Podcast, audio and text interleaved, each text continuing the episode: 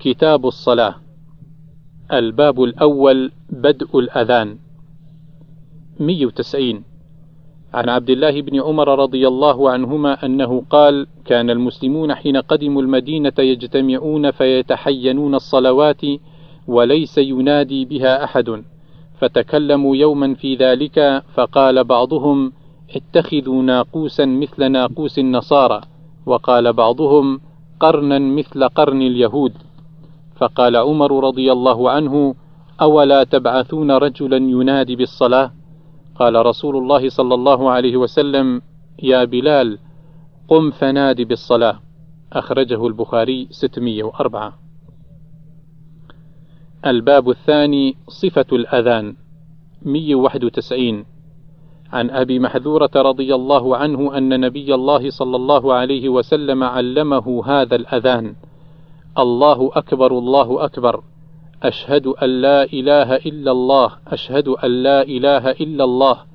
أشهد أن محمد رسول الله أشهد أن محمد رسول الله. ثم يعود فيقول أشهد أن لا إله إلا الله أشهد أن لا إله إلا الله مرتين.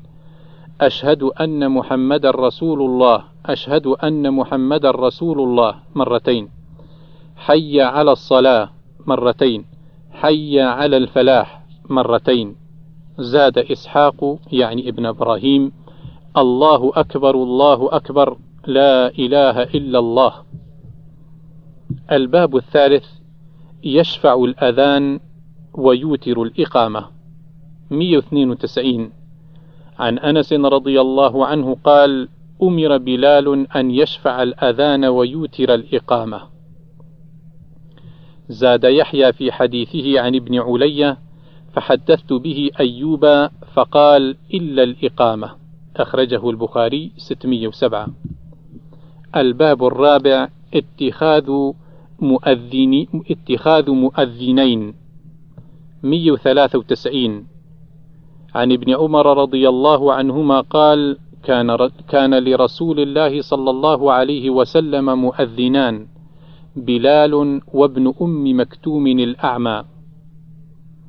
الباب الخامس اتخاذ المؤذن أعمى. 194 عن عائشة رضي الله عنها قالت كان ابن أم مكتوم يؤذن لرسول الله صلى الله عليه وسلم وهو أعمى. الباب السادس فضل الأذان. 195 عن أنس بن مالك رضي الله عنه قال كان رسول الله صلى الله عليه وسلم يغير إذا طلع الفجر وكان يستمع الأذان فإن سمع أذانا أمسك وإلا أغار فسمع رجلا يقول الله أكبر الله أكبر فقال رسول الله صلى الله عليه وسلم على الفطرة ثم قال أشهد أن لا إله إلا الله أشهد أن لا إله إلا الله. فقال رسول الله صلى الله عليه وسلم خرجت من النار. فنظروا فإذا هو راعي معزى 196 عن أبي هريرة رضي الله عنه أن النبي صلى الله عليه وسلم قال إذا نودي للصلاة أدبر الشيطان له ضراط. حتى لا يسمع التأذين فإذا قضي التأذين أقبل حتى إذا ثوب بالصلاة أدبر حتى إذا قضي التثويب أقبل حتى يخطر بين المرء ونفسه. يقول له أذكر كذا واذكر كذا لما لم يكن يذكر من قبل حتى يظل الرجل ما يدري كم صلى أخرجه البخاري 608 الباب السابع فضل المؤذنين 197 عن عيسى بن طلحة قال: كنت عند معاوية بن أبي سفيان رضي الله عنهما فجاءه المؤذن يدعوه إلى الصلاة فقال معاوية: سمعت رسول الله صلى الله عليه وسلم يقول: المؤذنون أطول الناس أعناقا يوم القيامة. الباب الثامن القول مثل ما يقول المؤذن 198 عن عبد الله بن عمرو بن العاص رضي الله عنهما أنه سمع النبي صلى الله عليه وسلم يقول: إذا سمعتم المؤذن فقولوا مثل ما يقول ثم صلوا عليه. فإنه من صلى علي صلاة صلى الله عليه بها عشرا ثم سلوا الله لي الوسيلة فإنها منزلة في الجنة لا تنبغي إلا لعبد من عباد الله وأرجو أن أكون أنا هو. فمن سأل الله لي الوسيلة حلت عليه الشفاعة. الباب التاسع. فضل من قال مثل ما يقول المؤذن. 199 عن عمر بن الخطاب رضي الله عنه قال قال رسول الله صلى الله عليه وسلم إذا قال المؤذن الله أكبر الله أكبر فقال أحدكم الله أكبر الله أكبر ثم قال أشهد أن لا إله إلا الله قال أشهد أن لا إله إلا الله ثم قال أشهد أن محمد رسول الله قال أشهد أن محمد رسول الله ثم قال حي على الصلاة. قال لا حول ولا قوة إلا بالله. ثم قال حي على الفلاح. قال لا حول ولا قوة إلا بالله. ثم قال الله أكبر الله أكبر. قال الله أكبر الله أكبر. ثم ثم قال لا إله إلا الله. قال لا إله إلا الله. من قلبه دخل الجنة. 200 عن سعد بن أبي وقاص رضي الله عنه عن رسول الله صلى الله عليه وسلم أنه قال من قال حين يسمع المؤذن أشهد أن لا إله إلا الله وحده لا شريك له وأن محمدا عبده ورسوله رضيت بالله ربا وبمحمد رسولا وبالإسلام دينا غفر له ذنبه. الباب العاشر فرض الصلاة.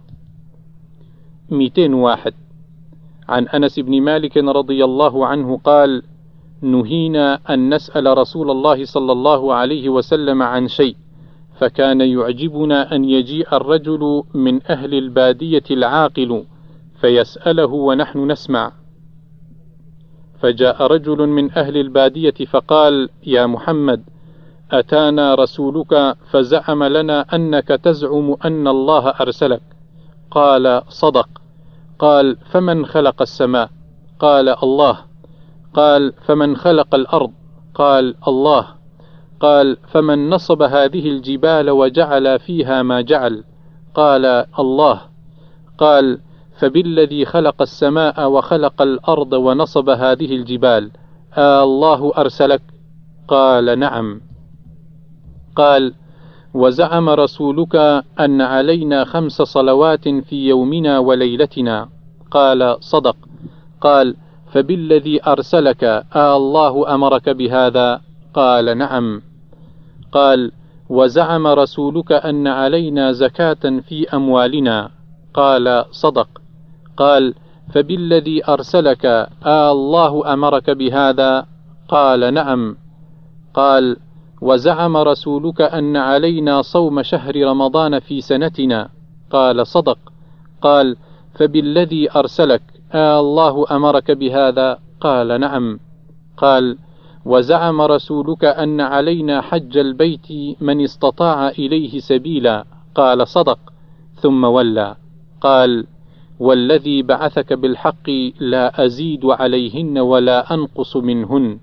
فقال النبي صلى الله عليه وسلم لئن صدق ليدخلن الجنة. الباب الحادي عشر فرض الصلاة ركعتين ركعتين. 202 عن عائشة رضي الله عنها أن الصلاة أول ما فرضت ركعتين فأقرت صلاة السفر وأتمت صلاة الحضر. قال الزهري فقلت لعروة ما بال عائشة تتم في السفر؟ قال إنها تأولت كما تأول عثمان. أخرجه البخاري ألف تسعين الباب الثاني عشر. الصلوات الخمس كفارة لما بينهن. 203 عن أبي هريرة رضي الله عنه أن رسول الله صلى الله عليه وسلم قال الصلوات الخمس والجمعة إلى الجمعة كفارة لما بينهن ما لم تغش الكبائر. وفي رواية ورمضان إلى رمضان مكفرات ما بينهن إذا اجتنبت الكبائر. الباب الثالث عشر ترك الصلاة كفر. 204 عن جابر رضي الله عنه قال سمعت رسول الله صلى الله عليه وسلم يقول بين الرجل وبين الشرك والكفر ترك الصلاة. الباب الرابع عشر جامع المواقيت. 205 عن عبد الله بن عمرو بن العاص رضي الله عنهما أن رسول الله صلى الله عليه وسلم قال: وقت الظهر إذا زالت الشمس وكان ظل الرجل كطوله، ما لم يحضر العصر، ووقت العصر ما لم تصفر الشمس، ووقت صلاة المغرب ما لم يغب الشفق، ووقت صلاة العشاء إلى نصف الليل الأوسط، ووقت صلاة الصبح من طلوع الفجر ما لم تطلع الشمس.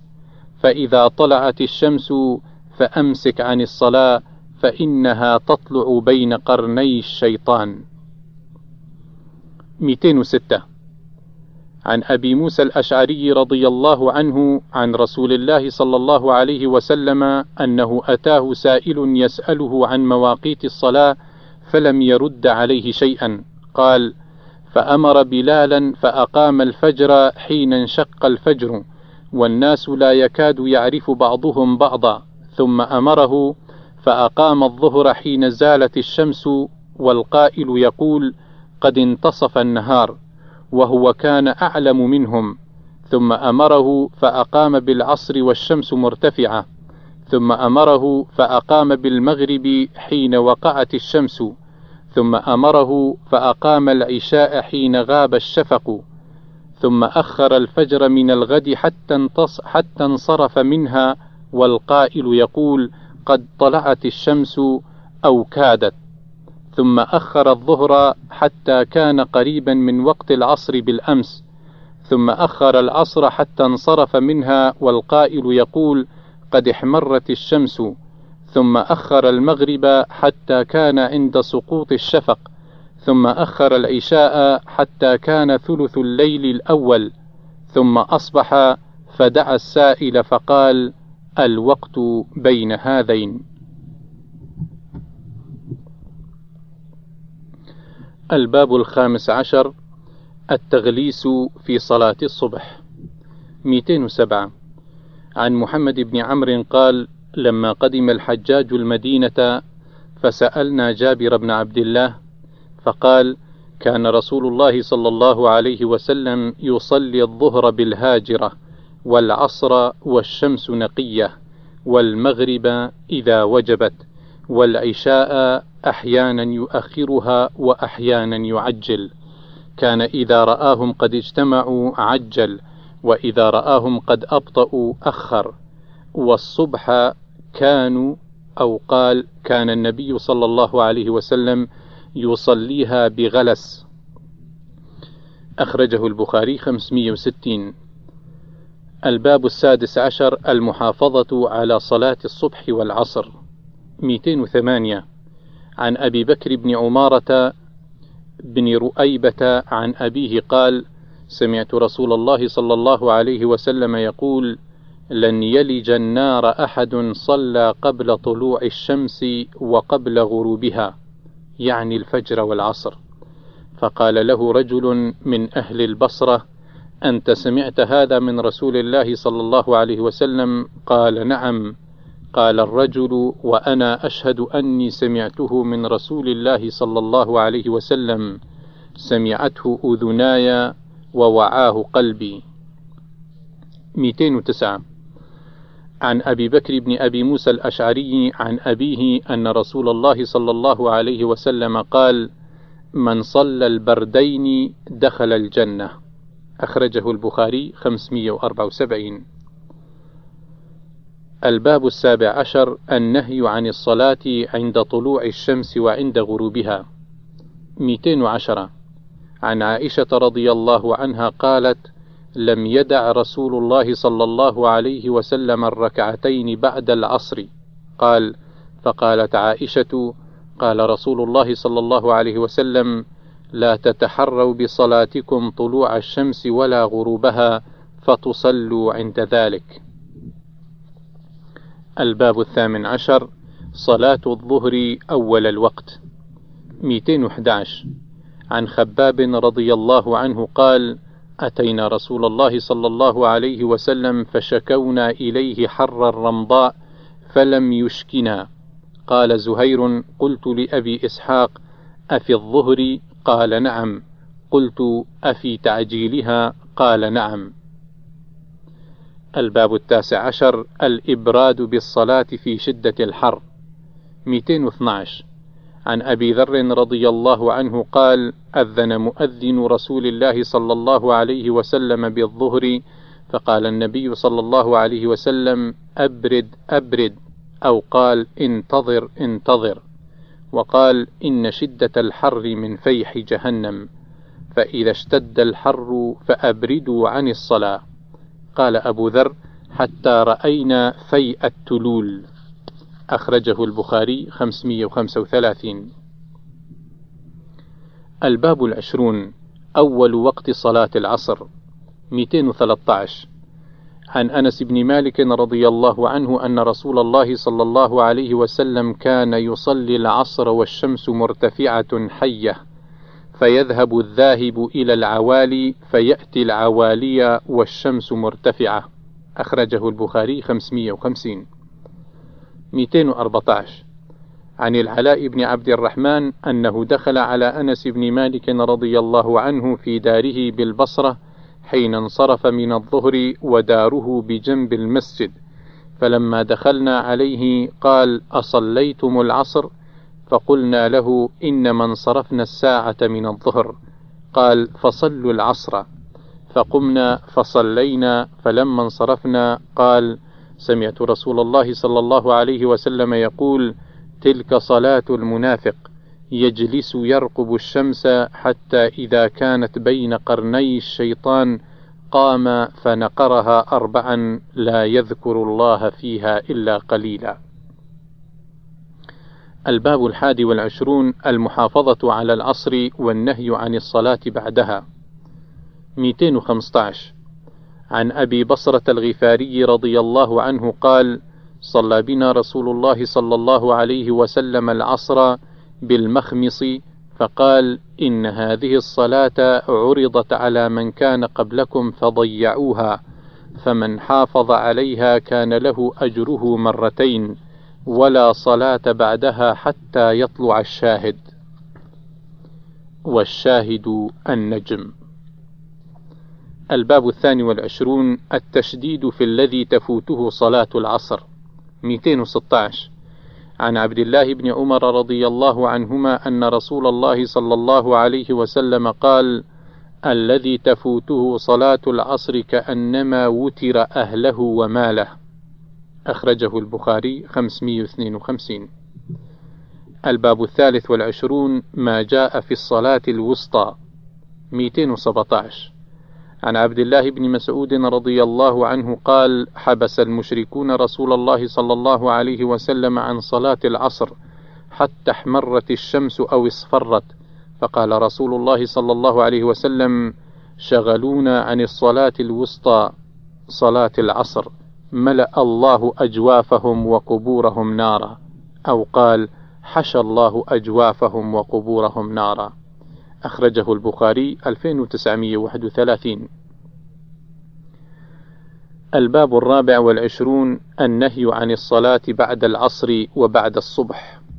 218 عن أبي هريرة رضي الله عنه أن رسول الله صلى الله عليه وسلم نهى عن الصلاة بعد العصر حتى تغرب الشمس وعن الصلاة بعد الصبح حتى تطلع الشمس. الباب الخامس والعشرون ثلاث ساعات لا يصلى فيهن ولا يقبر. 219 عن علي بن رباح قال سمعت عقبة بن عامر الجهني رضي الله عنه يقول ثلاث, ثلاث ساعات كان رسول الله صلى الله عليه وسلم ينهانا أن نصلي فيهن أو أن نقبر فيهن موتانا. حين تطلع الشمس بازغة حتى ترتفع وحين يقوم قائم الظهيرة حتى تميل الشمس وحين تضيف الشمس للغروب حتى تغرب. الباب السادس والعشرون في الركعتين بعد العصر. 220 عن أبي سلمة أنه سأل عائشة رضي الله عنها عن السجدتين اللتين كان رسول الله صلى الله عليه وسلم يصليهما بعد العصر فقالت كان يصليهما قبل العصر ثم إنه شغل عنهما أو نسيهما فصلاهما بعد العصر ثم أثبتهما وكان إذا صلى صلاة أثبتها. قال إسماعيل بن جعفر تعني داوم عليها. أخرجه البخاري 590